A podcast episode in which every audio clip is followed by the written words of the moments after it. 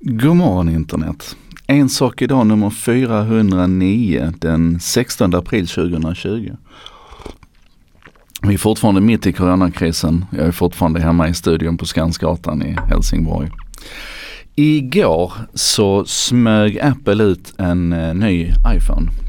Man har ju gjort det till lite vana här under kristiderna att man smyger ut sina produkter istället. Eh, nyss var det ju en ny iPad Pro och en ehm, eh, Macbook Air som kom ut eh, utan några fanfarer utan i princip helt plötsligt så fanns de där bara.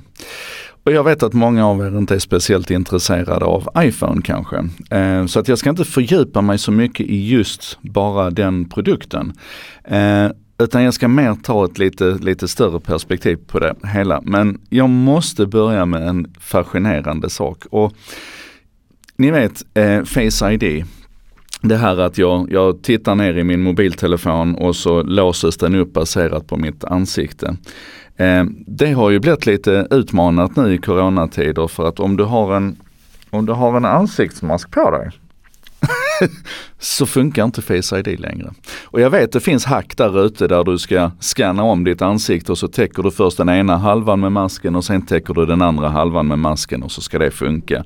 Och det är ju inte helt omöjligt heller att det kommer uppdateringar till de här algoritmerna för det finns ju maskinlärning i den här prylen som gör att om du har scannat ditt ansikte en gång så kan den känna igen dig även om du låter skägget växa och även om du har glasögon som du inte hade när du scannade den. Så det är möjligt att det kommer en en face mask uppdatering till, till Face ID. Men principen i alla fall är då att folk tyckte det var fantastiskt nu med den nya iPhonen för att man behöll hemknappen. Alltså ni vet, vi, vi skannar tummen istället för att, att läsa av ansiktet. Och det lät ju jättesmart i coronatider ända tills någon sa, men vänta här nu, vi ska ju ha handskar också.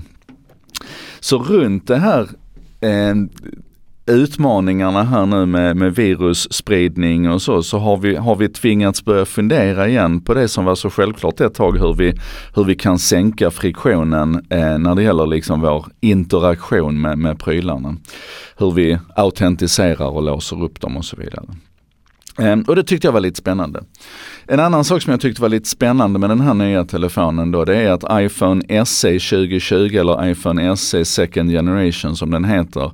Den finns precis som tidigare bara i en storlek men den är 4,7 tum stor och det betyder att för Apple i alla fall så är 4,7 tum det nya minsta. Eh, det finns ingen, ingen mindre telefon liksom och det är ingen mindre ny telefon i alla fall. Och det är lite, lite fascinerande ur, ur perspektivet hur, hur telefonerna, hur den minsta telefonen har blivit större. Det är ungefär lite grann som att den, den minsta läsken på McDonalds har blivit mycket större än vad den var tidigare. Ehm, men det tredje som jag tycker är mest fascinerande med den här telefonen det är egentligen att den innehåller exakt samma processor som Apples flaggskeppstelefon, alltså som den allra vassaste telefonen iPhone 11 Pro som lanserades i september 2019. Och det faktum att man, att man nu kan ta den allra vassaste processorn och stoppa in i en telefon, det säger ju en hel del om, om processorernas utveckling. Alltså både kapacitetsmässigt naturligtvis, för det är en fantastisk processor, jag ska ge lite data här sen, men kanske framförallt kostnadsmässigt. Och ni vet, vi har ju länge pratat om Moores law, alltså eh, Intels eh, VD eller grundare var det väl som kom på den här lagen om att processorkapaciteten fördubblas vartannat år. På senare tid felciterat till vart var 18 månad. Men han sa vartannat år, alltså två år fördubblar kapaciteten av processorer. Det handlar framförallt om att vi, att vi krymper komponenterna i våra, att transistorerna krymps så att komponenterna blir mindre och att man därigenom kan packa fler. Det var till och med så att det var det hans, hans vetenskapliga paper hade som rubrik, någonting om cramping more transistors into our CPUs, någonting sånt, men cramping användes i alla fall. Um, den lagen kan vi diskutera till, till helvetet brinner över eller vad man nu säger, fryser inne. Eh, för att den är, den är omdiskuterad. Men det finns en annan lag som är mindre omdiskuterad och som faktiskt kom till före Moores law. Den, den heter Rights law.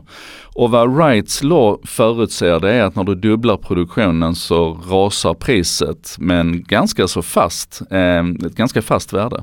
Och det man kom fram till då det var att, att om du tillverkade 1000 flygplan och du sen dubblade kapaciteten till 2000 flygplan så sjunker priset per flygplan med 15 procent. Och det beror naturligtvis på marginalkostnader. Så att du har vissa fasta kostnader för fabrikerna och sen personalen och sådär. Och sen har du vissa rörliga kostnader då för den extra personalen som behövs för komponenterna som ingår och sådär.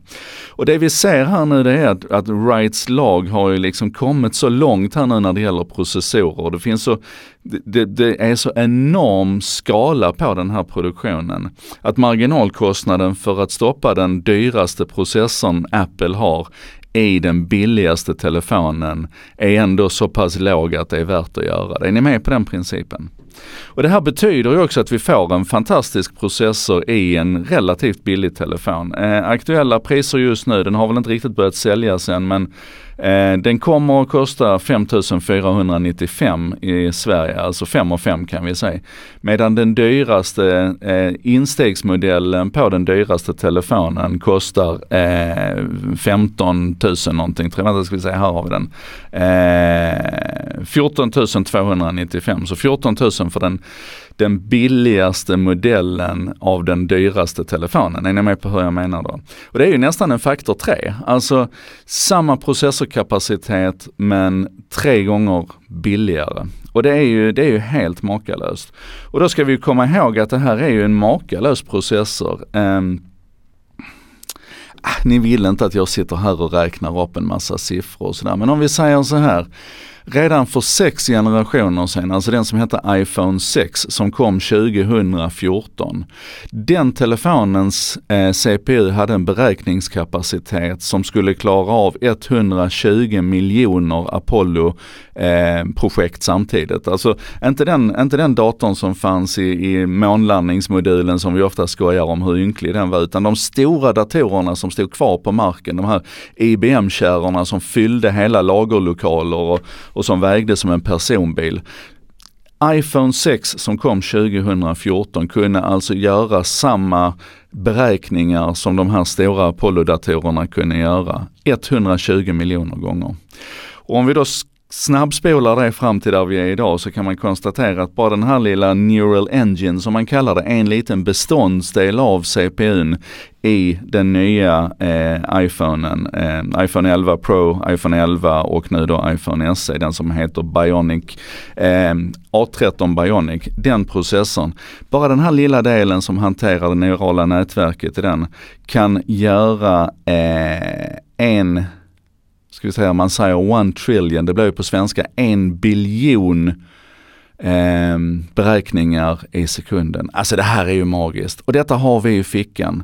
Kan ni fatta hur fantastiskt det är?